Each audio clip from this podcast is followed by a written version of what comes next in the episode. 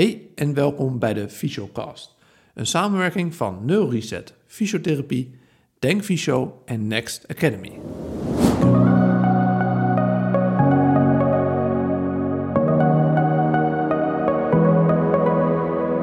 Dit is de podcast voor fysiotherapeuten, kinesiotherapeuten en alle andere gezondheidsexperts in Nederland en België. Het gaat je enorm veel tips en kennis geven die je direct in de praktijk kunt toepassen. Met een kritische en nuchtere blik dagen we jou en onszelf uit om verder te denken. In deze podcast spreken we met Ben van Kranenburg, neurowetenschapper met een enorme staat van dienst. Door lezingen, cursussen en publicaties probeert hij de neurowetenschappen inzichtelijk en toegankelijk te maken voor mensen in het werkveld. Onderwerpen waar hij zich mee bezighoudt zijn plasticiteit en herstel na hersenbeschadiging, chronische pijn, muziek en het brein, oorlog, rampspoed en motorisch leren. In deze podcast gaan we het vooral hebben over herstel na hersenbeschadiging. Ruim 1 op de 4 Nederlanders krijgt te maken met de gevolgen van hersenletsel en ongeveer 600.000 mensen in Nederland hebben enige vorm van hersenletsel. Hier komen ieder jaar 135.000 mensen bij. Een groep van 11.000 mensen ervaart ernstige gevolgen. Steeds meer mensen leven langer met de gevolgen van hersenletsel. Maar als eerste revalidatiefase achter de rug is, begint het eigenlijk pas echt. De zorgbehoefte is chronisch en hier is vaak nog onvoldoende aandacht voor. Hier gaan wij het vandaag vooral over hebben. We wensen je veel luisterplezier en check ook nog even onze Instagram, NeuroReset, laagstreepje Fysio en Denk Fysio.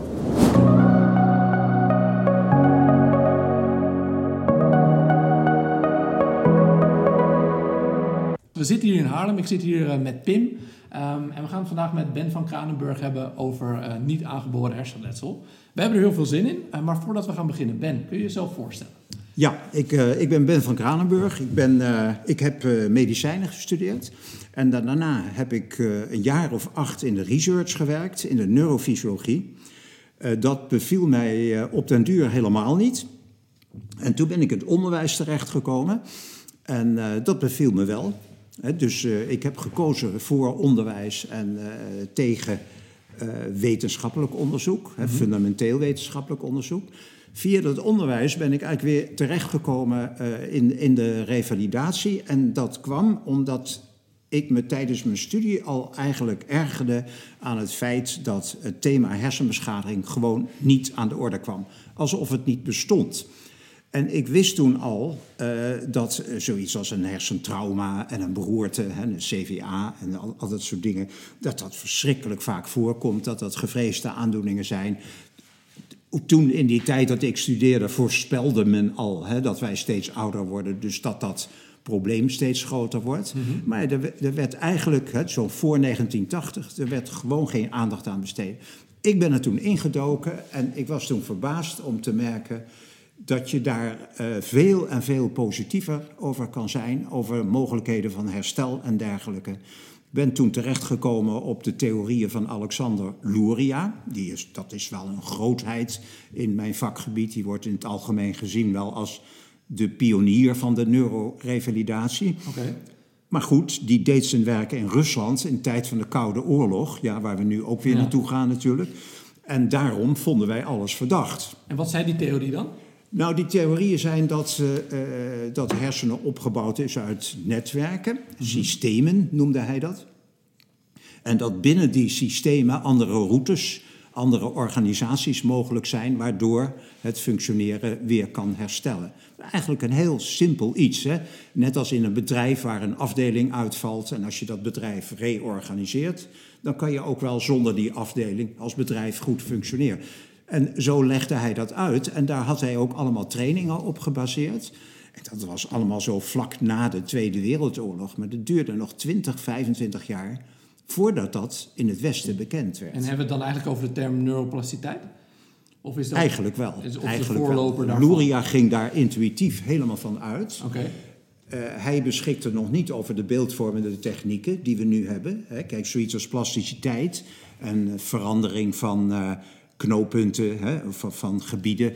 Ja, dat kan je nu gewoon hard maken door beeldvormend onderzoek. Ja. Maar er waren toch al mensen, eigenlijk al honderd jaar eerder, die al zeiden dat het brein plastisch is. Hè? Uh -huh. Maar dat mocht niet waar zijn. Hè?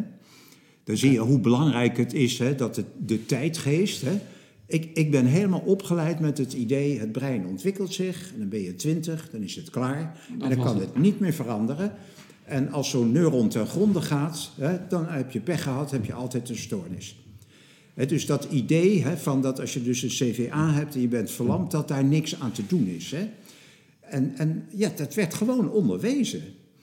En eh, eh, ja, ik wilde dat niet accepteren. En achteraf gezien, niet om op te scheppen, maar achteraf gezien heb ik er gelijk in gehad. Hè, want de neurorevalidatie is nu een heel bloeiend gebied. Met heel veel mogelijkheden. Met ontzettend veel mogelijk. En, en ik ga niet zeggen dat iedereen kan herstellen, want dat is niet waar. Dat weten jullie ook. Hè? Eh, maar om nou te zeggen dat het allemaal niet helpt wat je doet, is ook weer onzin. Hè? Dan zit je aan de andere kant van het extreem. Ja. En ik zelf heb in mijn eh, loopbaan toch een aantal mensen leren kennen die enorm hun best hebben gedaan, heel gemotiveerd waren, op goede manieren aan het oefenen zijn gegaan en die echt heel veel hebben teruggepakt. Hoor. Ja.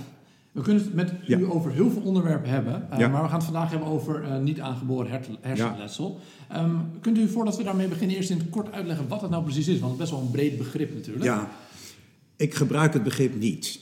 Wij zeggen dus NAH, dat wordt alleen gebruikt in België en Nederland. Oké. Het- Dus je de hele wereld, in Spanje, in Duitsland, in het Engelstalig gebied, men gebruikt die term niet. Men heeft het over verworven hersenletsel.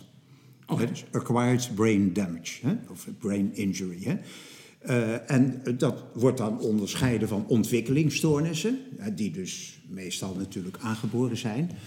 Maar het idee hè, van niet aangeboren hersenletsel, het is ook merkwaardig, hè? Als ik jullie zeggen, jullie zijn een niet-advocaat. Ja. Eh, Is het dan logisch dat je een fysiotherapeut bent? Nee, helemaal niet, weet je wel. Dus als je iets definieert in termen van niet, dan kom je heel vaak in, in de problemen.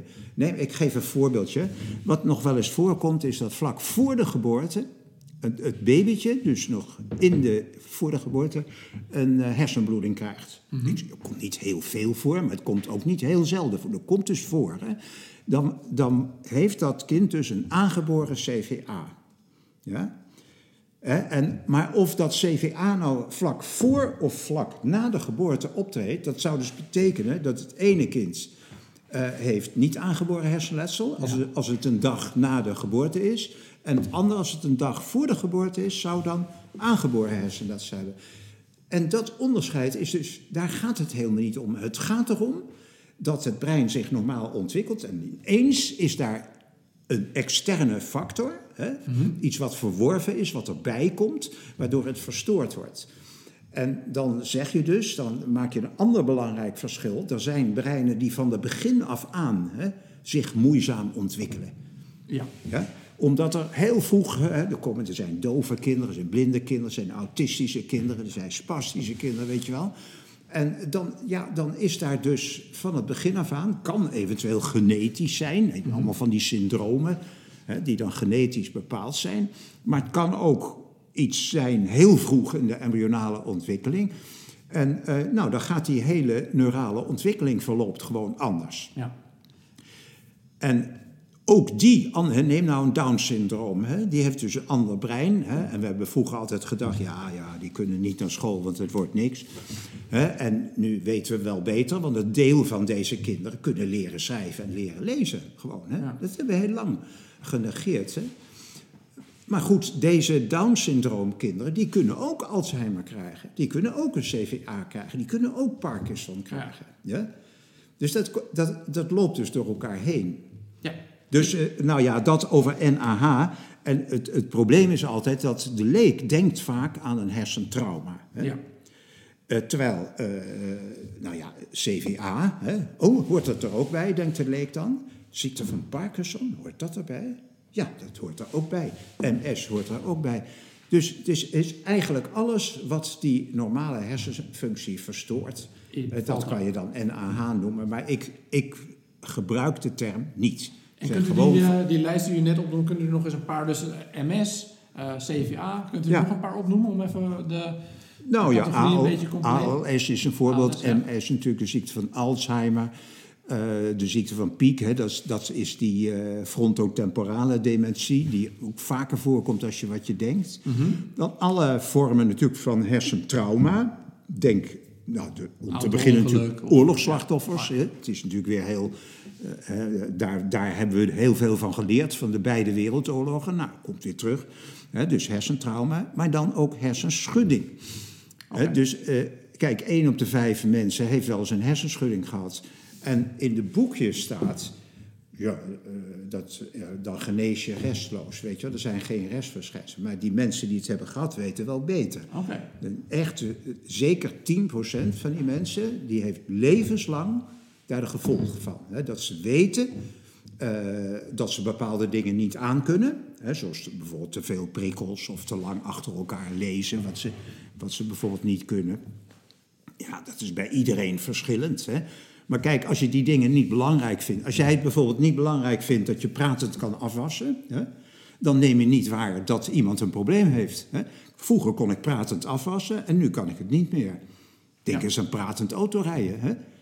Dat, eh, ja, en dan kan je zeggen, ja, dat is geen levensnoodzaak van hou je mond als je auto rijdt, is ook goed. Hè?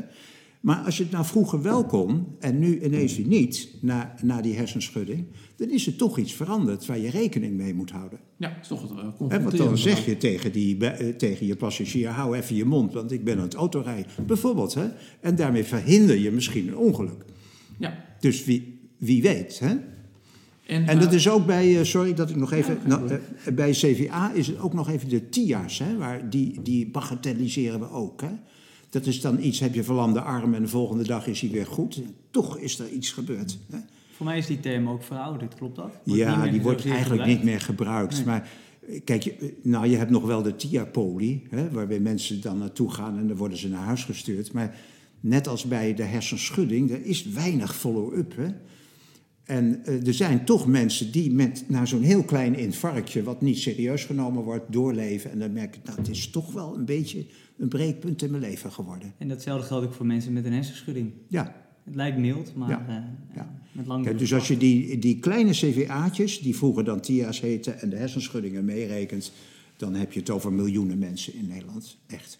Heeft u dan ook het idee dat die hersenschudding, want daar hoor je weinig over, dat het vaak onderschat wordt? Dat het... Ik denk het wel. Ik, eh, in, in, in mijn werk eh, krijg ik toch wel regelmatig eh, zo'n mailtjes van mensen die om raad vragen. Dat komt omdat ik er natuurlijk over schrijf. En dan krijg je mailtjes van mensen die.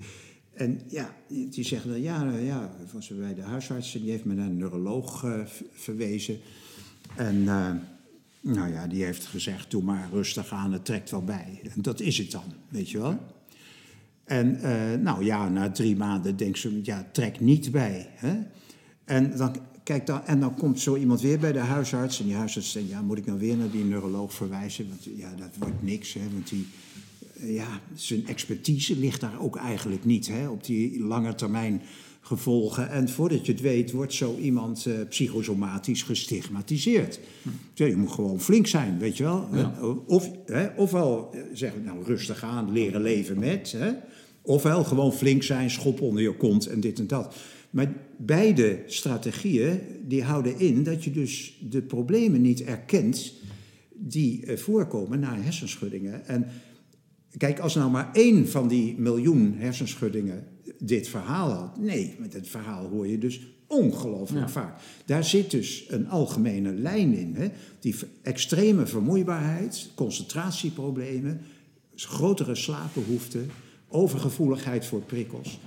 Dat zijn dingen die komen zo vaak voor, dat kan geen toeval zijn. En, ehm, want ik denk dat de meeste mensen wel weten hoe een hersenschudding ontstaat. Maar kunt u ons meenemen in het proces? Wat gebeurt er dan in het brein? Ja. Dat we drie, vier, vijf maanden later, dat sommige mensen daar nog steeds klachten van hebben. Is daar een verklaring voor? Ja, nou dat heeft te maken met. eh, kijk, vroeger dachten we altijd: een functie zit ergens. Hè? Dus je hebt een plek en daar zit bijvoorbeeld taal. En als die plek beschadigd is door een infarct, kan je niet meer praten. Afasie. Dus een helder model. Dat leek heel simpel en helder, maar het is niet waar. Dat is het probleem. Want het huidige model, dat noemen we dan het, het netwerkmodel, het model van de neurale netwerken. Ja, die die verklaringen van hoe functies in het brein zitten, die zijn duidelijk geworden nadat de beeldvormende technieken hebben laten zien eh, dat je eigenlijk nooit iets doet met één hersengebiedje. Hè? Dus vanaf het moment dat zij pratende mensen onder de scanner legden. Hè, ze- vertel eens wat je het weekend gedaan hebt. Hè, dan ga je praten en denk je, oh ja, motorisch taalcentrum, dus dat moet oplichten, weet je wel, links voor. Maar toen kwam het drama, niks alleen maar links voor. Hè. Ook rechts achter en binnen en buiten. En, en, en, Alles. Dus verschrikkelijk, verschrikkelijk. Hè? Ja. En eh, nou ja, ik ben heel erg bezig geweest ook met het onderzoek naar muziek. Hè? Dat als je een muziekinstrument bespeelt, nou, dat kan iedereen natuurlijk bedenken. Dat als je je vingers beweegt, heb je natuurlijk je motorische schors nodig. Maar als die vingertoppen niks voelen, ja, dan ben je ook verkocht. Want dan kan je niet piano spelen. Hè? En als jij doof bent, hoor je niet wat je doet. Dus ik heb sowieso al eventjes, hè, dat snapt iedereen, hè, een kind van vijf snapt dat, dat je veel meer functies nodig hebt als alleen maar die vingers kunnen bewegen. Ja. Nou, en dat inzicht is toen gekomen. En dan zeggen ze, nou ja, het functioneren van mensen berust op specifieke netwerken die in het brein zijn ontstaan. Neem nou die taalnetwerken, die zijn bij ons allemaal redelijk analoog. Maar eh, laten we zeggen, wij doen alle drie aan sport. Hè? Ik aan tennis, jij misschien aan hardlopen, jij aan voetbal. In die sportactiviteiten zullen die netwerken dus verschillend zijn. Het ene doe je met je benen, het andere met je armen, et cetera. Natuurlijk, hè. Dus in heel veel opzichten zullen die netwerken verschillen. Nou, als er dan een verstoring komt, dan kan je zeggen, nou, zo'n knooppunt van een netwerk kan beschadigd worden. Dan krijg je dat dus een deelfunctie van iets uitvalt. Bijvoorbeeld, iemand kan best wel de tennisbeweging maken, maar hij lokaliseert die bal verkeerd. Nou ja, dan heb je natuurlijk pech gehad. Hè? Want dan ga je natuurlijk toch slechte tennissen. Hè? Dus het is feitelijk niet een motorisch probleem. Maar iets, dus dat hangt van het soort knooppunt af. En dan kan je zeggen, ja, sommige knooppunten zijn essentieel. Vergelijk dat nou met de spoorwegen. Kijk, als Amersfoort plat gaat, nou, dan heb je echt een probleem in Nederland. Hè? Maar als Winterswijk plat gaat, nou ja, dat, laat dat station Winterswijk, weet je wel. Hè, dus, ja, het zijn allemaal wel knooppunten, eh, maar de Engelsen noemen dat een hub. Hè? Dat, dat is dus een, een kernknooppunt. Ja. Dus afhankelijk van de plek van het letsel, waar, waar zit dus het infarct, waar is de grote klap terechtgekomen, waar zit de granaatscherf, ik zeg maar wat, hè, eh, vallen bepaalde knooppunten uit. En ja, het belang van dat knooppunt bepaalt hoe, hoe het functioneren van dat hele netwerk ontwricht is. En je weet dat soms, hè, zoals bij de spoorwegen, een wisselstoring in Amersfoort legt een heleboel plat. Wat het nog geloof ik zes jaar geleden hadden we toen, toen in die Bijlmer die, die elektra, die centrale uitviel. Oké. Toen ontstond er een kettingreactie dat echt het treinverkeer van heel Noord-Nederland plat lag. En, en dan denk je, nou, is het toch, toch mogelijk dat één, klein, één kleine lesie hè, dus zoveel ellende veroorzaakt? En en hoe, hoe zou je dan het fysieke en cognitieve taken onderscheiden daarin? Eh, nou, ik onderscheid ze niet. Kijk, want als ik nou dat voorbeeld van dat tennissen neem, dan kan je zeggen, is nou bijvoorbeeld het waarnemen van de lokalisatie van de bal en die balbaan en het voorspellen waar die zal stuiten, is dat nou een cognitieve functie? Ja, volgens neuropsychologen is dat een cognitieve functie. En- maar zonder die functie kan jij niet tennissen gewoon. Als je een beginner, een kind ziet, die loopt naar het stuitpunt en die bal gaat over het racket heen. Dus die, die heeft die, die- die- dat voorspellende circuit, hè, wat op basis van die balbaan, hè, eh, eh, dan, dan voorspellen waar die terechtkomt en waar jij dus je racket moet doen. Hè? Eh, die heeft dat nog niet ontwikkeld. En dat is pure ruimtelijke cognitie, kan je zeggen. Hè? Dus spatiële functies. Wat in de evolutie wel gezien wordt als de allervroegste vorm van cognitie. Wat dus bij vogels zo goed ontwikkeld is. Hè? Die dus altijd kunnen dus 6000 kilometer en dan komen ze weer terug op hunzelfde stekkie. En dat, dat begrijpen wetenschappers nauwelijks, hoe, hoe dat mogelijk is. Waarom die dieren niet verdwalen. Maar die hebben een, een navigatie waar je u tegen zegt. En dat lijkt dus ook bij de zoogdieren een van de belangrijkste cognitieve functies te zijn. Dus je kan het een eigenlijk niet zien los van het ander. Je kan het niet loszien. En dus eh, het is eigenlijk, zelfs als je zoiets stomzinnigs neemt als hardlopen. Hè? Nou, ik zeg nou stomzinnig, ik vind het helemaal niet stomzinnig. Maar stel je voor dat jij hardloopt zonder dat je uitkijkt. Ja? Je hebt af en toe een stoeprand of je hebt een plas. Hè, of er is een jongetje met een skateboard of zo en dan moet je omheen. Ik bedoel, als jij niet uitkijkt, dan binnen de kilometer heb je een incident. dat is logisch. Hè? En dan, dan, dan, zeggen we in gewoon Nederlands uitkijken, dus aandachtsfunctie. Mhm. Zo, en, de, en, de, en de meest voorkomende oorzaak van ongelukken is aandacht. Dan heb je de kerncognitieve functie, aandacht en concentratie. Dus je, je kan het eigenlijk niet loskoppelen. En dat zie je al prachtig in het dier, hè, wat zijn prooien. Hè, dat, dat, dat dier moet natuurlijk heel hard kunnen lopen. Maar hij moet natuurlijk ook wel weer even zien in die kudde welk dier een tikkeltje mank loopt, weet je wel. En dan selecteren ze dat, dat zien ze. En ze weten dat. En dan, uh, ja, ze weten dus ook dat als ze die hele kudde opjagen, dat dat ene dier wat een beetje trekt met zijn poot, die zal achterblijven. Dat weet hij. En daar stuurt hij het allemaal op aan. Dat is cognitie. Ja. dus zonder cognitie kan je eigenlijk niet overleven. Dus dat hele idee, ik, ik, maak me daar mijn hele leven al boos over, dat wij zeggen, ja, bewegingsapparaat, weet je wel. Dus, dus fysiotherapeut alleen maar beweging. Hè? Ik, vind het, ik vind het verkeerd. Hè? Want als jij op een home trainer, daar kan je inderdaad niet vallen. Hè? Er zijn geen konijntjes, er zijn geen kuilen in de weg. Dan zit je op een home trainer. Wat jij namelijk doet dan, is motoriek losrukken van de context waar die altijd in optreedt. Dus ik denk, ga in godsnaam de hond uitlaten of dansen of in een winkelcentrum met een karretje lopen of hè, dat soort dingen. Hè? Want dat is context. Ja. Oké, en als we één stapje terug gaan, want het is natuurlijk een heel breed onderwerp waar heel veel uh, uh, aandoeningen onder vallen. Uh, maar waar wij ook heel erg benieuwd naar zijn, is: is er toch een soort van overkoepelend mechanisme? Kijk, met trauma snap ik als er een granaatscherf in je hersenen zit, dan de ontstaanswijze daarvan is wel duidelijk. Uh, maar dingen als, als ik het toch even zo mag noemen, CVA, MS, of zijn er bijvoorbeeld leefstijlfactoren, of zijn er hè, dat soort factoren die daar misschien invloed op hebben? Je bedoelt bij het herstel of bij het ontstaan van... Echt het ontstaan daarvan. Ja, nou goed. Uh, kijk, bij MS weten we dat niet. Mm -hmm. dus ik bedoel, als ik dat zou weten, had ik al een Nobelprijs natuurlijk. Bij Parkinson is er nu... Hè, ik weet niet of jullie dat gezien hebben, maar... is dat boek van Bas Bloem over de Parkinson-pandemie. Waar blijkt dat, dat Parkinson voor een zeer groot percentage wordt veroorzaakt door toxische stoffen. Okay. Insecticiden bijvoorbeeld. Hè?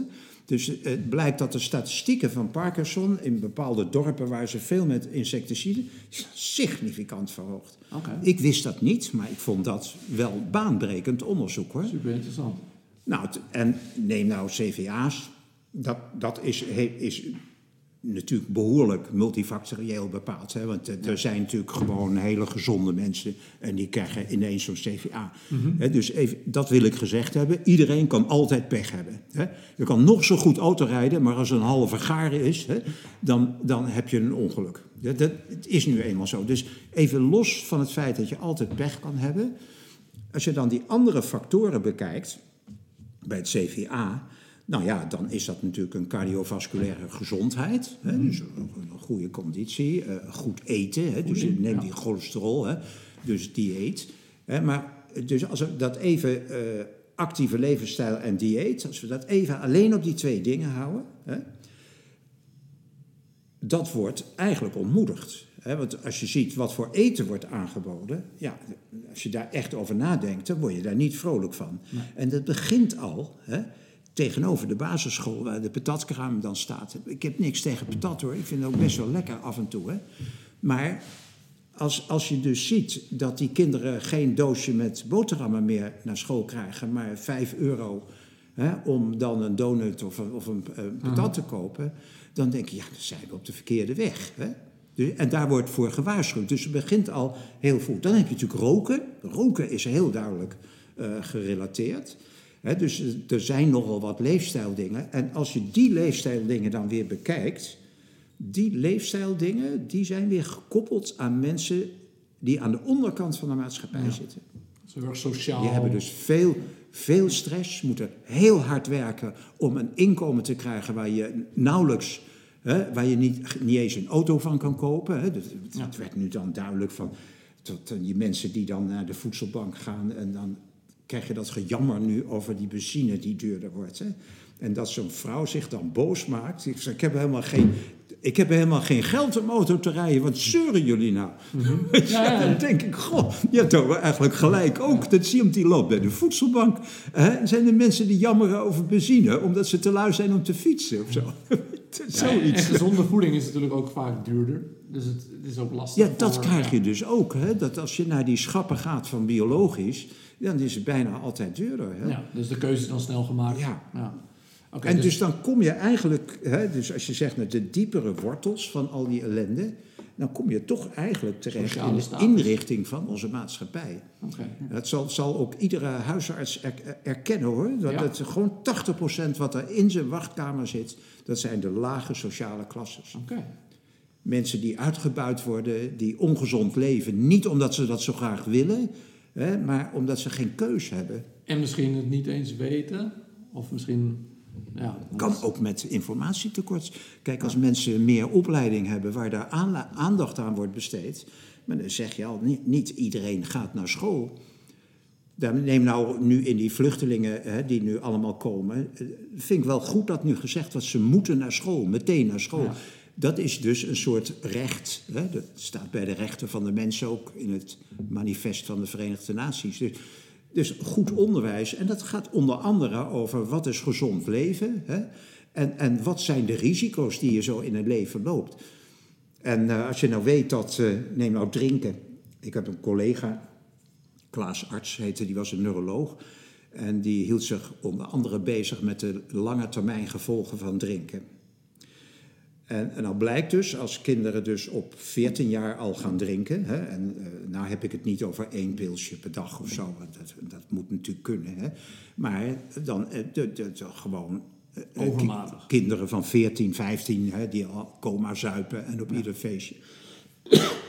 Hij toonde aan dat de alcoholdementie, hè, dus de echte, en de, ook de degeneratie van de lobus frontalis en het cerebellum, dat die gewoon dan bij die kinderen tien jaar eerder inzet.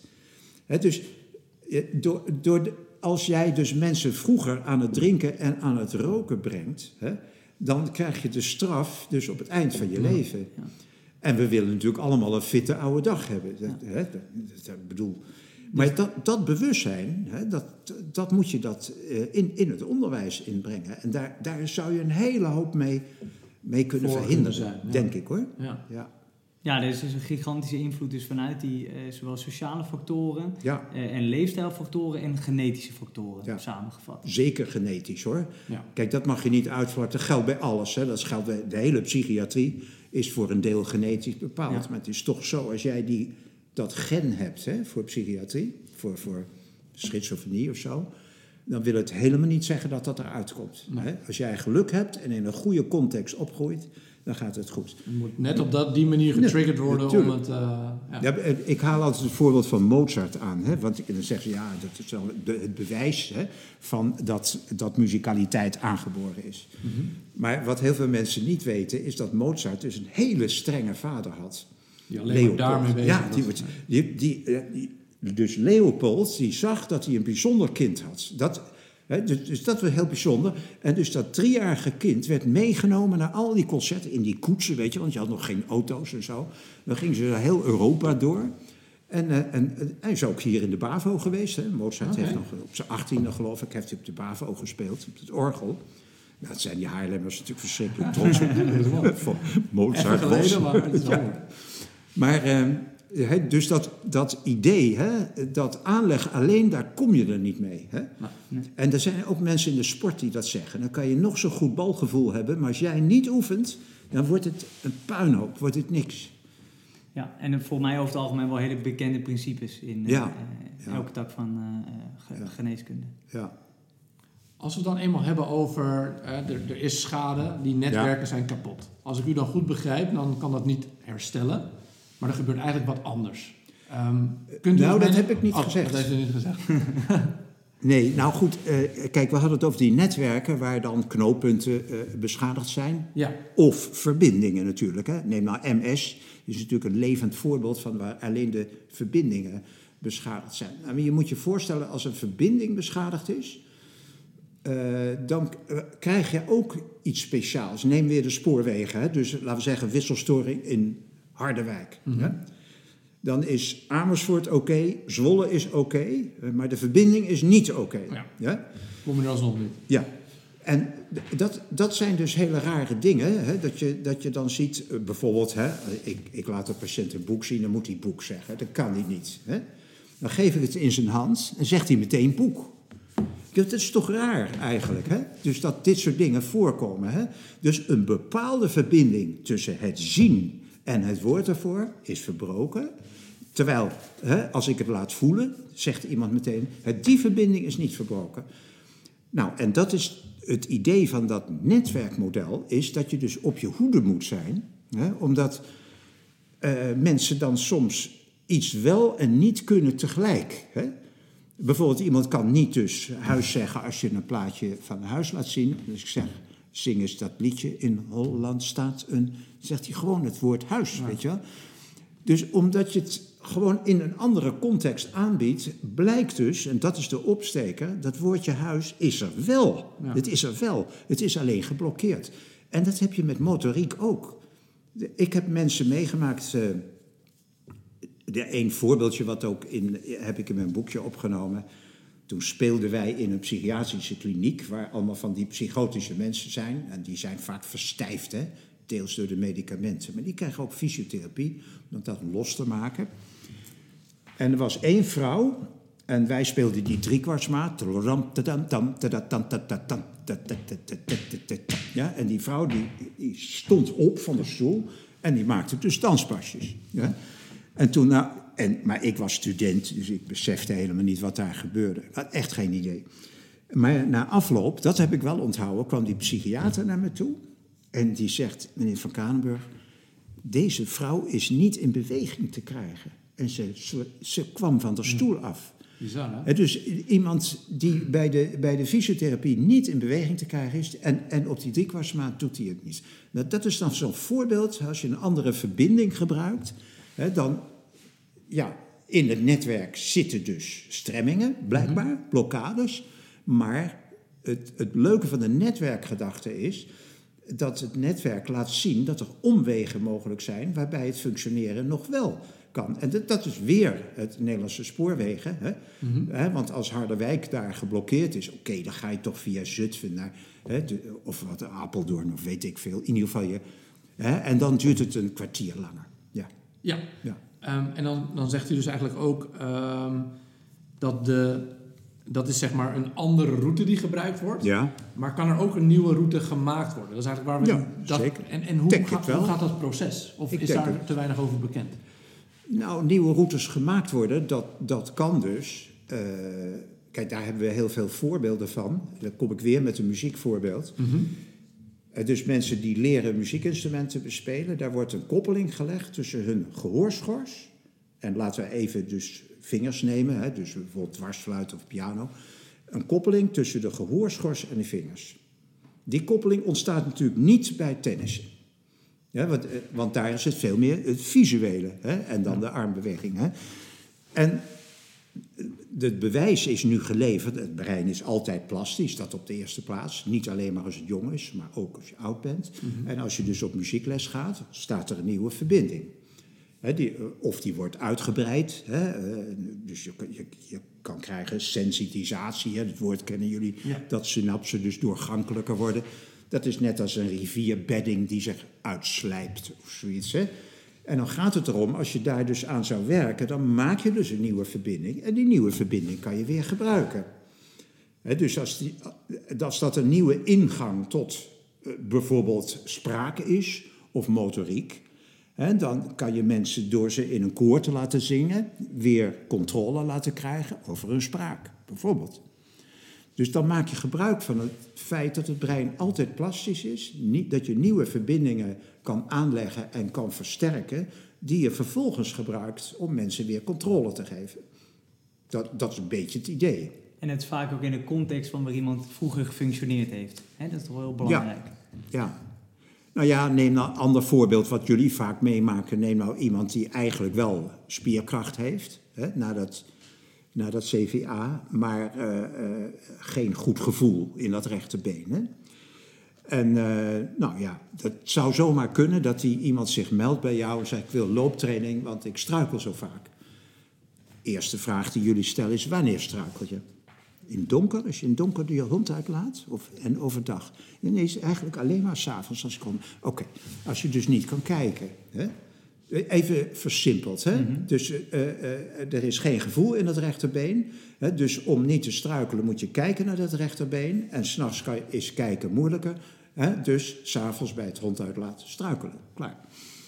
En, dus, en dan gaat het erom dat iemand eigenlijk moet ten eerste kan je je gedrag aanpassen. En dan zegt Miep tegen Jaap: Jij gaat s'avonds de hond uitlaten, doe ik het s ochtends. Mhm. Weet je wel? Dus je kan je dag anders indelen.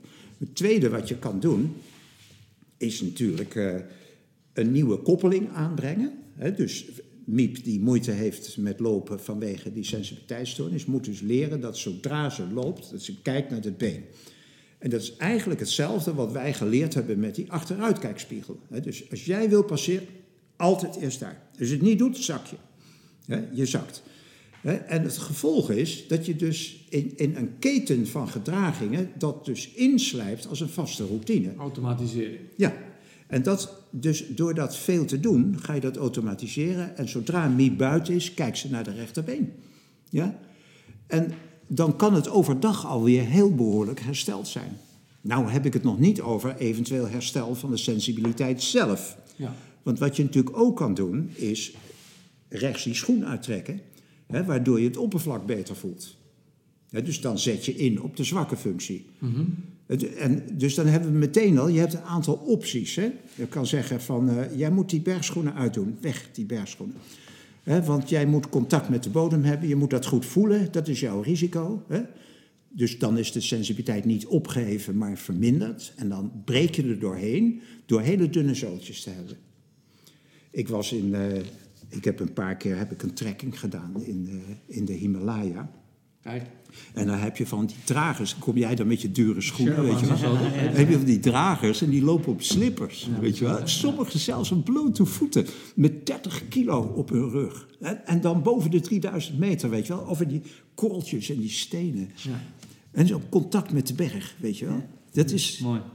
Die lopen er nog uit ook. Ja, dus dat laat zien hoe belangrijk sensibiliteit is. Hè? En ja, het wordt niet altijd onderkend. Want, en dat sensibiliteit ook trainbaar is. Hè? Dat, dat hele idee wat, wat een violist doet. Hè?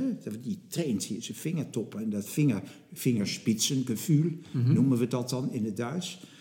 Uh, braille lezen is natuurlijk ook een fantastisch voorbeeld waarbij je ziet dat het gewoon trainbaar is. Hè?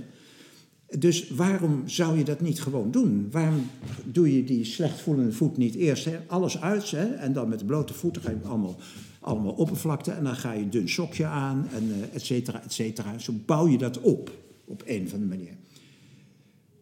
Nou ja, ik weet dat, uh, dat meestal wordt het aan toeval overgelaten. Ik, ken dan bijvoorbeeld, ik weet niet of je dat groene boekje van Henk kent.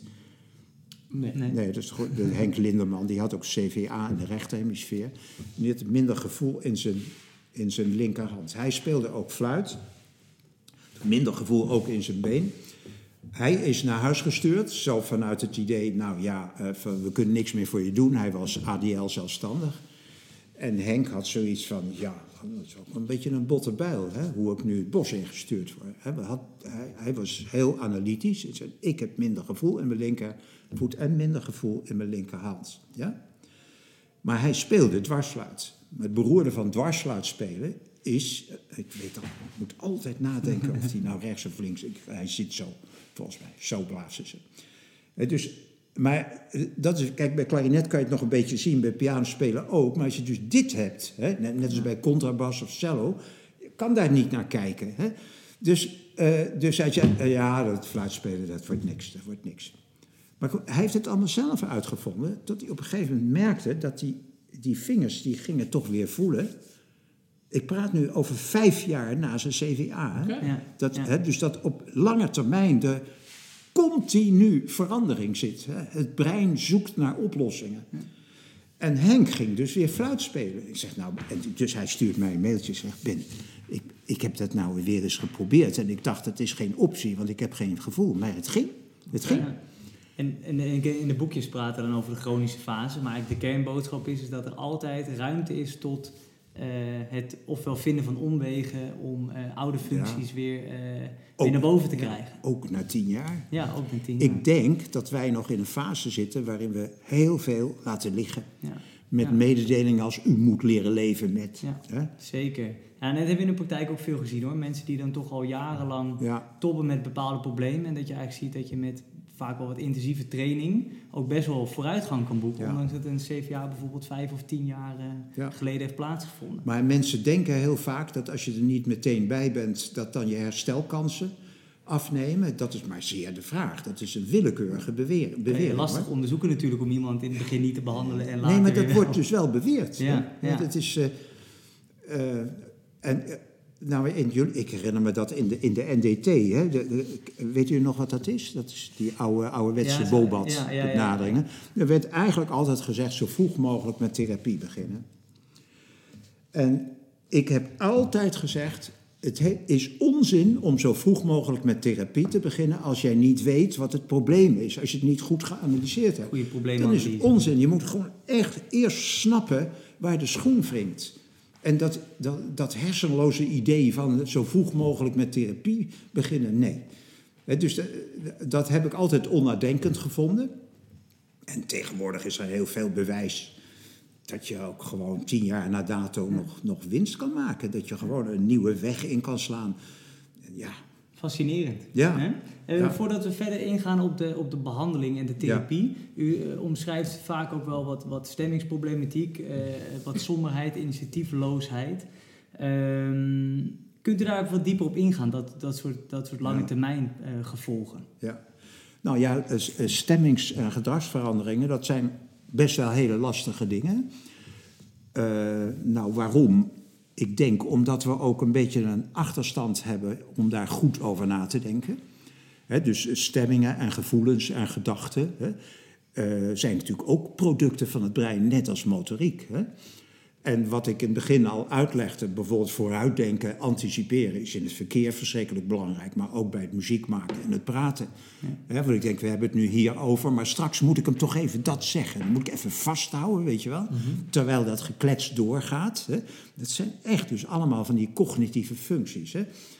En uh, nou, je, je hebt eigenlijk twee, twee, twee uitersten van gedragsverandering. De, on, de ontremming voor mensen die uh, heel snel gaan schelden. Hè, of woedeaanvallen krijgen, uh, wat een probleem is in het gezin en dat soort zaken. Uh, en aan de andere kant heb je het grote niets. Hè, van Jaap was altijd met het kippenhok bezig en met de tuin en, en fietsen repareren. En nu zit hij daar maar in zijn pyjama. Hè, en, Ik vind niks meer leuk. En, en, en dat, dus dat zijn dan twee uitersten met alles ertussenin. Hè. Um, aan beide uitersten is iets te doen. Maar om, om te beginnen moet je, dus, moet je dus eigenlijk dat heel goed analyseren. Hè? Als iemand dus woedeaanvallen heeft, dan moet je kijken, worden die uitgelokt door iets? Ja? Of is, komt mhm. dat als donderslag bij heldere hemel? En je moet ook kijken, wat is, als die woedeaanval er is, wat gebeurt er dan eigenlijk? Hè? Want net zoals een kind, hè, als een kind heel hard schreeuwt bij de kassa en het krijgt zijn zin, dan gaat het de volgende keer weer schreeuwen natuurlijk. Hè? Dus dat heet dan operant leren. Dus het kan zomaar zijn dat dat ontremde gedrag, bijvoorbeeld in het verpleeghuis, het schaarse personeel naar zich toetrekt. En dan is het ontremde gedrag dus operant en dan zal het brein helemaal geen argument hebben om dat gedrag niet meer te hebben. En ik zeg dus het schaarse personeel, hè? Omdat, hè? omdat als, als je niet op de rode knop drukt, komen ze niet. Dus je moet op die rode knop drukken, maar die is eigenlijk voor de defibrillator, weet je wel, die rode knop. Maar mensen gaan op die rode knop drukken omdat het de enige manier is om aandacht te krijgen. Aandacht is een van de belangrijkste dingen. Is dat, zijn er dan naast aandacht andere verklaringen waarom dat soort gedrag eigenlijk uh, zich gaat tonen? Nou, een andere verklaring, dus dit is een operante verklaring. Hè? Dat zal lang niet altijd zo zijn. Hè? Uh, soms wordt het ook uitgelokt bijvoorbeeld als, als een kind huilt, dat, dat die vader een beetje eh, dreigt te gaan slaan en, en dan problemen krijgt met zijn partner. Dat zou zomaar kunnen. Als, je dat, als dat gebeurt, dan heb je dus mensen die inzien, hè, dus die hebben ontremd gedrag, maar die zien in dat het fout gedrag is. En je hebt mensen die zien het weer niet in. Kijk, je hebt dus mensen die zeggen: iedereen is fout behalve ik. Hè? Ik heb gelijk, dus ik sla. Je hebt ook mensen die zeggen: ik sla, maar ik moet dat niet doen. Maar ik kan het niet tegenhouden. Hm. Ja, dus nu, in, dit is al een heel gesprek hè, om te analyseren hoe dat in elkaar zit, dat gedrag. Als je weet hoe dat in elkaar zit. Hè, dus ik heb mensen meegemaakt die ontremd waren.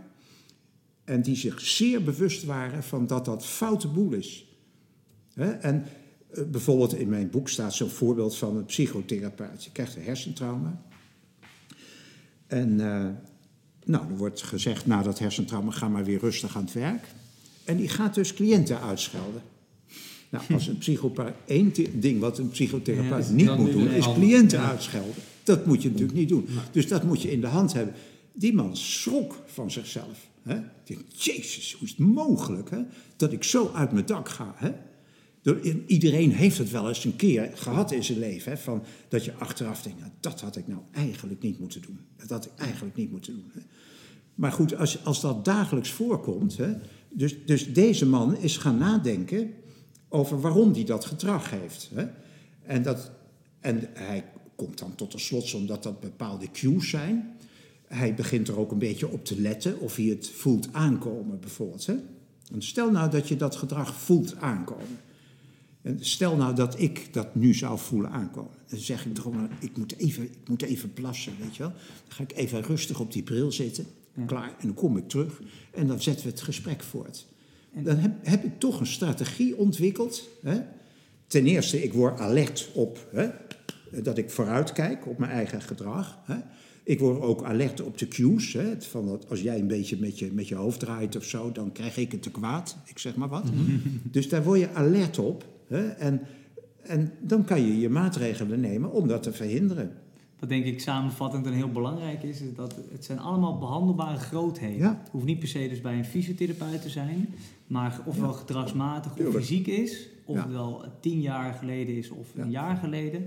Het is allemaal behandelbaar en beïnvloedbaar. Ik heb iemand gekend en die had een tennisbal in zijn hand. En als hij dat voelde aankomen, ging hij met volle kracht in die tennisbal dus om dat brein even op die tennisbal te zetten. Dat is toch prachtig? Mhm. Dat is toch prachtig?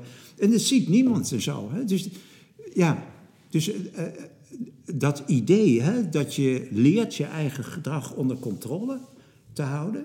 Net als mensen kunnen leren om te stoppen met roken. Hè, dat, dat, kan in principe. Het is moeilijk, maar het kan. Hè. En uh, wij laten het meestal zo aan de mensen over. En als ik dan hoor hè, dat zo iemand die dan een kort lontje heeft, dan weer thuis is. En dat, en dat ze dan werkelijk helemaal geen hulp krijgen daarbij. Hè? Terwijl als je dat een beetje rustig laat iemand dat verhaal vertellen, observeer dat eens een keer, denk erover na en kom met een goed advies of zo. Hè? Ja. Maar goed, dat is dus bij ontremd gedrag. En dan heb je aan de andere kant het grote niets. Dan ben ik ervan overtuigd dat je bij iedereen altijd iets kan vinden waardoor die actief wordt. Wat hij leuk vindt eigenlijk. Ja. Kennen jullie dat filmpje Old Man in Nursing Home? Dat, is, uh, dat is die man die... Uh, die gebruik ik altijd in, uh, in lezing over muziek. Maar die man die zit in het verpleeghuis, hartstikke apathisch. Wordt dement genoemd, zit de hele tijd zo. Het helemaal niks te doen, echt niks gewoon. Hè? En dan loopt dan een creatieve therapeut rond. Die zijn op dit moment in Nederland allemaal wegbezuinigd. Hè? Maar de gewoon creatieve therapeut die probeert met bezigheden mensen iets te bieden. Hè? En die creatieve therapeut die duikt in zijn fotoboeken, die daar gelukkig zijn. Hè? Dus die bladert in die fotoboeken en die ziet dan uh, fotootjes van Cap Calloway. Dat is zo'n uh, klepzanger. Dat is zo de. Oh, zo, zo, zo En uh, daar was Louis Armstrong vroeger mee begonnen. En dat is toen nagedaan. En dit was een hele beroemde. En hij was dus helemaal enthousiast van dat biebedabedoebedoe. En uh, dus die creatieve therapeut, die ontdekt dat in dat fotoboek. Hè? En die, nou, die downloadt al die muziek, want dat kan je tegenwoordig, dat maakt helemaal niet uit. Het zit allemaal op het internet. Dus je downloadt dat en uh, koptelefoon op. En die man, die komt dus helemaal tot leven. Gewoon, hè? Dat was dus uit zijn tijd. Dat was de gevoelige snaar waar hij mee bezig was geweest. Hij komt tot leven. En heel bijzonder, Oliver Sacks geeft heel mooi commentaar daarbij. Hij begint te praten gewoon. Hij begint gewoon tot. Hij komt werkelijk tot leven. Hè? En hij ontdekt weer wie hij is, zegt Oliver Sacks. Hij ontdekt dat hij iemand is, dat hij ooit gezongen heeft en gaat daar allemaal over vertellen en komt tot leven. En die creatieve therapeut en ook die andere zorgverleners, die krijgen bijna tranen in de ogen. Zeggen, we hebben dat acht jaar lang niet ontdekt. Dus iedereen acht jaar lang. Ja. Iets diep van binnen wat hem weer kan activeren. Dus eh, kijk, en ik denk, hè, dus dat, dat, dat zie je wel. Uh, je ziet het ook bij dieren. Hè. Sommige mensen hebben zo'n gevoelige snaar voor dieren. Hè. dus de mensen zijn hartstikke apathisch in het. Komt er iemand met een hondje binnen, weet je wel? Zo'n jong hondje.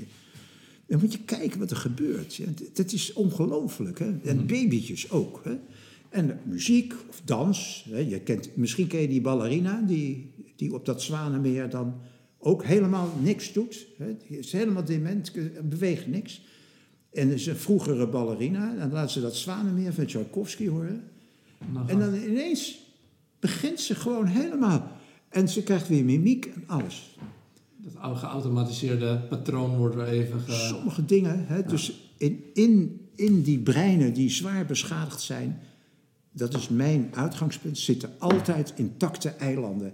En dit vind je niet binnen vijf minuten. Je moet daar heel rustig de tijd voor nemen. Met de partner praten, in de geschiedenis duiken.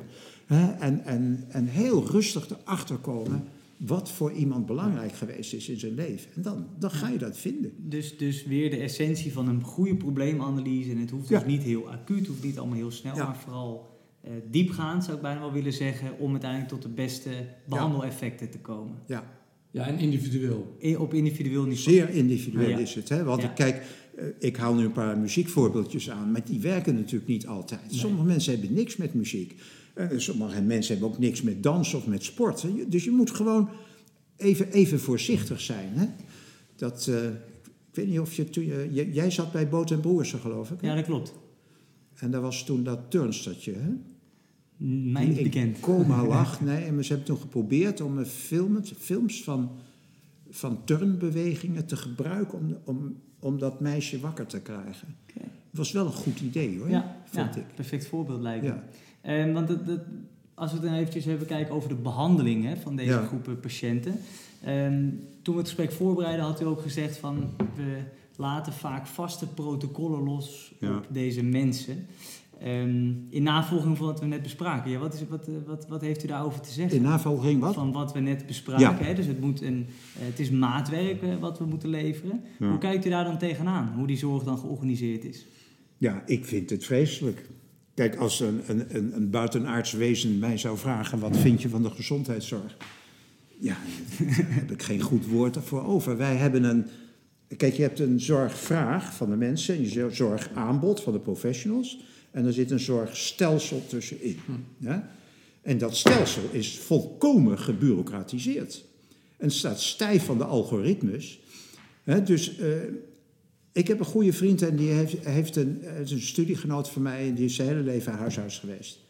Die krijgt een verkeersongeluk, maar die krijgt een hersentrauma en er wordt gewoon een programma over hem uitgerold. Er wordt niet met hem gepraat. Wordt uitgeprint en succes. Het, gewoon, gewoon, dat doen we altijd, weet je. Ga maar fietsen op een home trainer dan. Uh, ja. ja. ja. en er zitten allemaal van die dingen in. Hè. Het heeft ook allemaal met regels van vergoedingen te maken.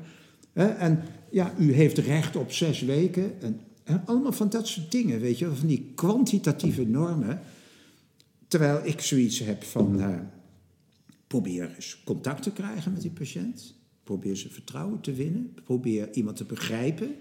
Hè, en probeer contact te krijgen en te kijken waar zitten de knelpunten voor deze iemand. En dan ga je gewoon kijken hoe kan ik deze iemand helpen. En dan gebruik je jouw professie bij. Hè. Dus jij als fysiotherapeut bent goed in dat en dat en dat. Hè? En als neuropsycholoog in dat en dat en dat. Hè?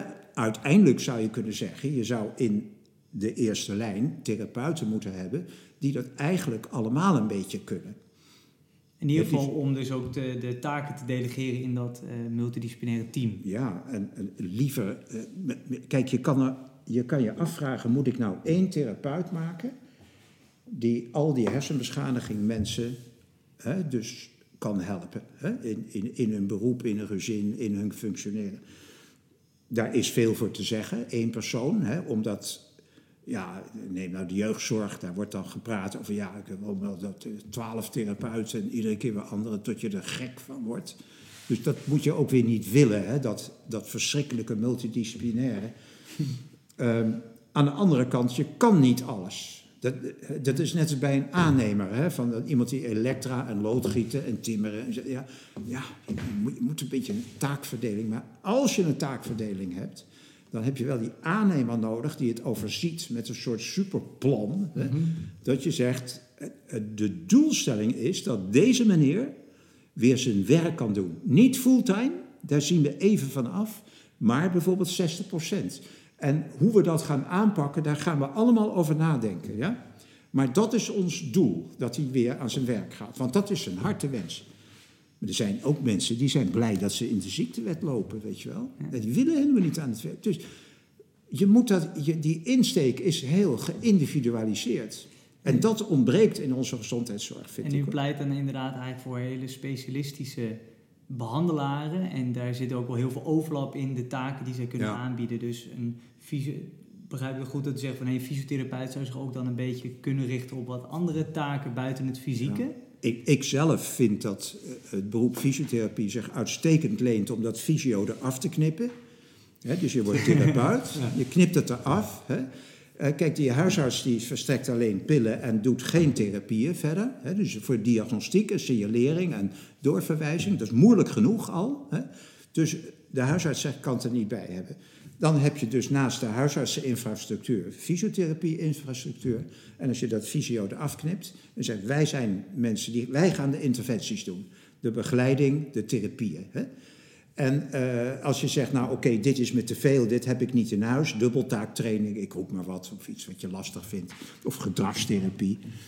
Dan zeg je, oké, dan ga ik samenwerken met iemand, hè, uh, maar liefst zo weinig mogelijk mensen zou ik zeggen, om die vertrouwensrelatie met de patiënt niet op de tocht te zetten. Ja, en die eigenlijk de kaart trekt. Ja. Toch? Ja. ja. ja. Oké. Maar goed, dat is toekomstmuziek hoor. Gebeurt dat niet op, op sommige plekken gebeurt het toch al redelijk goed? Ja, er zijn wel initiatieven, eh, zeker. Eh, dus eh, de, de, initiatieven die ik ken, dat zijn eigenlijk vooral netwerken die ontstaan. Hè. Dus je kan je aansluiten bij een netwerk. Maar wat betreft nou de, de expertise, daar heb ik wel een beetje mijn twijfels over. Hè? Want wat, waar wij het nu over hebben, als je het hebt over, over stemming en gedrag, en, en neem ook, vergeet ook cognitie niet, wat in heel veel beroepen ontzettend belangrijk is, ehm, is, is in die netwerken nou die expertise aanwezig om mensen met cognitieve problemen echt te helpen. En ik denk dat, dat, dat we toch nog een, een onderwijsslag moeten maken. Denk ik. Omdat, en, en dat kan. Hè, en, en ik zelf vind dat de, de fysiotherapeut daar het meest geschikt voor is. Omdat hij eigenlijk al een vrij brede opleiding heeft. Je moet alleen even van die spieren af. Ja. om dat even wat voorzichtig te zeggen. Gebeurt gelukkig wel hopelijk steeds iets meer, toch? Ja, zeker. En ook wel dat werken in netwerken. Hè? Nee, maar de fysiotherapie was er heel vroeg bij om, in de jaren tachtig al, om dat belang van cognitie in te zien, hè, na een mhm. CVA. Dus wat dat betreft heb je een behoorlijke voorsprong. Ja. En die artsen die uh, wilden dat niet weten hoor. Nee. nee. En als we het hebben over de interventies, wat zijn dan de allerbelangrijkste interventies volgens u? Waar moet de meeste... Ja, dat is natuurlijk individueel nou, verschillend, maar wat heeft het meeste effect? Nou, dat is natuurlijk een heel verhaal. Want mhm. eh, kijk, standaard, standaard is eigenlijk altijd dat je iemand iets leert via verbale instructie. dus uh, uh, of het nou pianoles is of een tennisservice iemand leren, of je leert iemand fietsen. Dan zei je moet iets meer dit, je moet iets meer dat en zo. dus we hebben heel vaak verbale instructie en verbale feedback. Ik denk dat je daarvan af moet en moet inzien dat ons brein eigenlijk noodgedwongen met woorden werkt. Hè? Maar dat is later in de evolutie. Wij praten pas 35.000 jaar. Dat stelt helemaal niks voor. Terwijl daarvoor hadden we wel, we hadden dus niet uh, verbale instructie, maar gewoon imitatie leren. Dat is al veel ouder. Hè? Dat is veel ouder. Hè? En wat, wat kinderen zo prachtig doen. Hè? Van papa die zaagt met het dus echte zaagje, kinderzaagje. Hè? Kindje doet het na. Je hebt niks uitgelegd, gewoon niks. Hè? En dat zie je ook in het muziekonderricht. Dat, eh, dan zijn er mensen die ja, je moet je vinger wat meer optrekken en dat soort dingen. Hè? Maar je hebt ook leraren die zeggen, nou, doe je ogen nou maar eens even dicht en zo, luister even. Ik zat voorspelen, ik speel het voor. Hé, hey. Dus ik hoor dat. Hè? Dus een totaal andere ingang. Hmm. Hè? Van ik hoor hoe die melodie moet klinken, hoe die vertraging zit, hoe dat timbre is. Hè? Probeer dat eens te doen. Nou, en het is dus ook heel erg functioneel eigenlijk altijd. Ja, dus, dus, ja maar dus, zelfs niet functionele dingen kan je nadoen. Kijk, als, als ik zo'n zo rare beweging maak als oefening die nergens voor dient, kan iemand dat nadoen. En als jij dit in woorden gaat zeggen, hè, van uh, strek naar voren, terughalen, strek naar de zijkant, buig in de elleboog. Jezus, het is een hele alinea. Ja, ja, ja. Veel simpeler kan. Ja, nee, maar goed, dat is dus één voorbeeld. Uh, dat dat imitatieleren eigenlijk te weinig gebruikt wordt. En we hebben nu de laatste tijd natuurlijk al die videomogelijkheden. Je kan iedereen opnemen. Hè? Je kan visuele feedback geven. Spiegels. Dus, en, en dus jij neemt op hoe iemand loopt. Je laat het zien. En de patiënt zegt, hey, ben ik dat? Ja, dat bent u. En maar zie je nou, zie je nou wat er aan schort? Wat vind, wat vind jij nou fout? Hè? En dan zegt die patiënt, ja, ik trek een beetje met mijn linkerbeen. En jij wilde net heel iets anders zeggen. Hè? Ja. Maar dat is dus leuk, omdat je aan de hand van die, van die videofeedback uh, gewoon uh, kan zien. Iedereen ziet iets anders. Hè? Dat is net als bij naar muziek luisteren. Iedereen hoort iets anders. Ja. Hè? En dat is zo geïndividualiseerd. Hè? En dan leer je een beetje hoe je dat bij zo iemand zou kunnen aanpakken. Ja. Dus dat is eigenlijk ook de belang van de spiegelneuronen dan, toch? Of Zeker, toch? Ja, ja. Wat we Die heeft iedereen in zijn brein. Ja. En bij sommige uh, leerprocessen, ja, zoals, uh, zoals ballet of zo, dat is niet in taal uit te drukken. Nee. Maar als je ziet wat mensen ook, maar, maar ook met, met uh, hip-hop en street dance en zo, als je ziet wat mensen doen op, op imitatie leren, ongelooflijk. Ongelooflijk vind ik dat. En ik vind dat we dat heel vaak laten liggen. En, uh, en dat je dus blijft hangen in van je moet eerst je hiel op de grond zetten en je knie buigen en dan van dat soort dingen. En stel je nou voor dat hier iemand een afasie heeft. Nou ja, dat is een beetje een stom voorbeeldje natuurlijk. Hè? Die snapt dat gewoon niet als je zegt knie buigen en hiel op de grond en zo. Maar doe het voor en doe het na. Dus dat, ja, maar goed, dat is dan één, één voorbeeld. Hè? Zo heb je een hele neem nou bijvoorbeeld ontremd gedrag. Hè? Dat sommige mensen leren via verbale zelfsturing. Dat, heet, dat is een techniek, hè, een psychotherapeutische techniek, verbale zelfsturing. Om je eigen gedrag in het gareel te houden. Bijvoorbeeld gewoon hardop stop zeggen. Wat ze kinderen ook leren op schoolplein. Hè? Als iemand agressief wordt, dan komt er een gebaar en dan zeg je stop bij.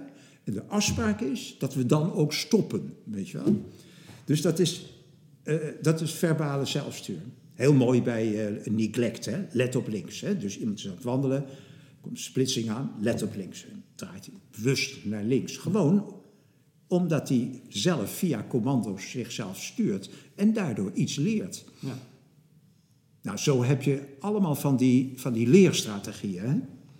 Oké, dus dat is een hele belangrijke interventie. Ja, dat is, uh, dus uh, we hebben er nu drie besproken.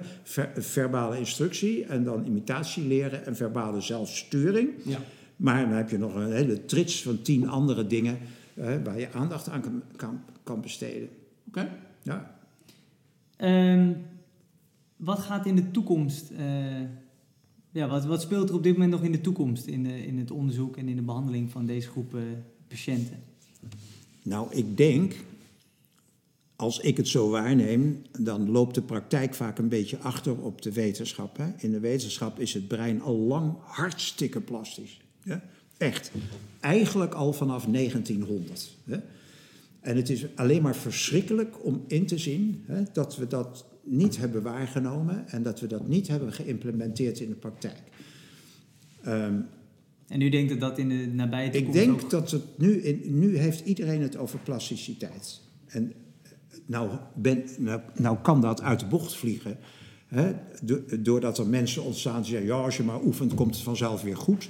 Hè, en neem nou, als je dus SIMT, hè, de Constraint Induced Movement Therapie, als je dat googelt, dan vind je dus allemaal van die Amerikaanse praktijken die mensen gouden bergen beloven. Dat mag niet het gevolg zijn. Je moet ook realistisch blijven. Als je duizend mensen op pianoles doet, dan gaan ze niet alle duizend goed piano leren spelen. Dat is gewoon een feit. Hè? En dat is ook als je met duizend mensen SIMT gaat doen, hè, dan hebben er een aantal baat bij. En de vraag is hoeveel mensen jij moet mishandelen met SIMT om bij die, die happy view succes te krijgen. Ja. Dat, dat is altijd een probleem. En het mag niet te gek worden natuurlijk. Hè? Dus, uh, dus ik denk dat uh, het besef dat het brein hartstikke plastisch is en dat wegen kunnen veranderen, gebieden kunnen verplaatsen en zo, dat geeft de burger moed. Mm hè, dus dat geeft een positieve attitude. Er moet geen hoogmoed worden. En ja, en dan zeggen we dus niet meer zo gauw, je moet leren leven met al die stoornissen. Hè? Dus zeggen we gaan er gewoon aan werken. Dat, eh, dat is toch anders. Hè? We ja, hoe kaderen jullie verwachtingen dan bij patiënten? Nou, ik, ik denk dat dat, ja, dat wordt dan uh, educatie genoemd, maar je kan ook gewoon uitleg zeggen natuurlijk. Ja. In algemeen denk ik dat aan patiënten te weinig wordt uitgelegd. Wat, wat ik dus binnenkrijg aan mailtjes van mensen, dat ik denk, hoe is het mogelijk dat iemand mij drie jaar na dato deze vragen moet stellen? Hm. Dat, dat snap ik soms niet. Hè?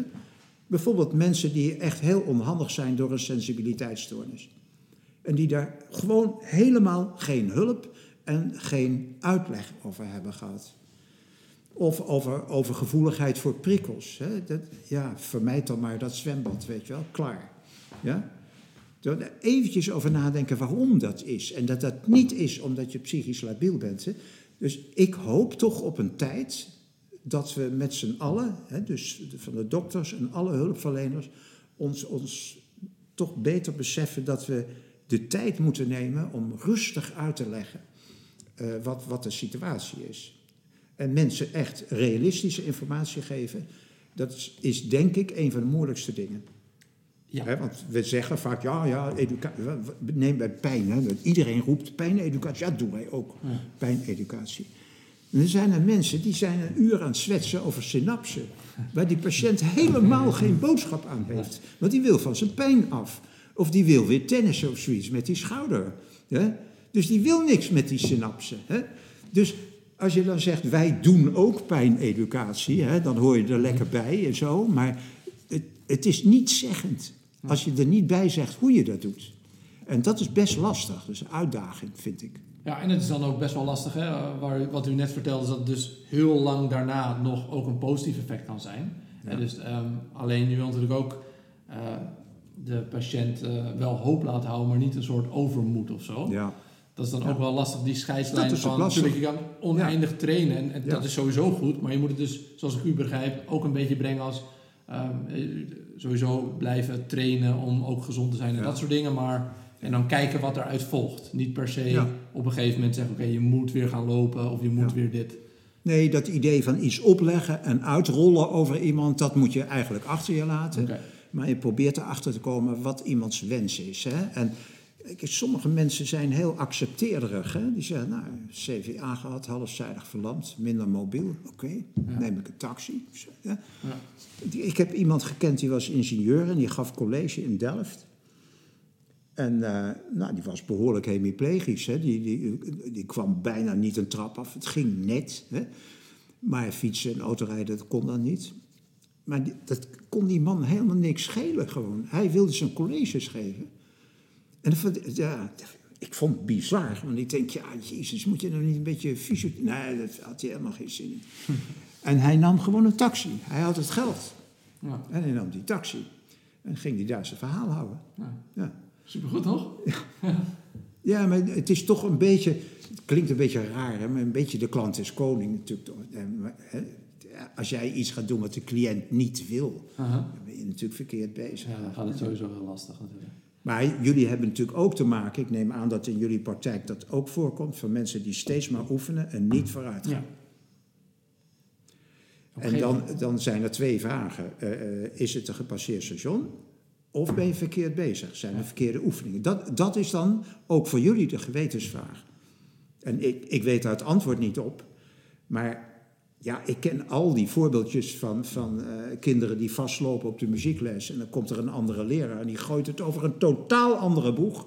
En dan bloeien ze helemaal op. Ja. En dat kan nog, nog wel eens wonderen doen. En dat kan je alleen maar als therapeut als je dat hele arsenaal beheerst van hoe je dingen aanpakt. Hè? Dat het niet één manier is, hè? maar Ja, en anders goed delegeren. Hè? Dus waarnemen en, en Ja. uitbesteden. Ik denk Ja. dat dat ook wel heel belangrijk is in, eh, Ja. eh, in het vak. ja. Jullie hebben het in de vragen die je schriftelijk had gestuurd over dat diagnostiek belangrijk is. Hè? En eh, ik ben daar helemaal mee eens hoor. Maar met diagnostiek wou ik dan, wil ik dan graag in bredere zin zien. Eh, ik gebruik dan het woord probleemanalyse. Ja.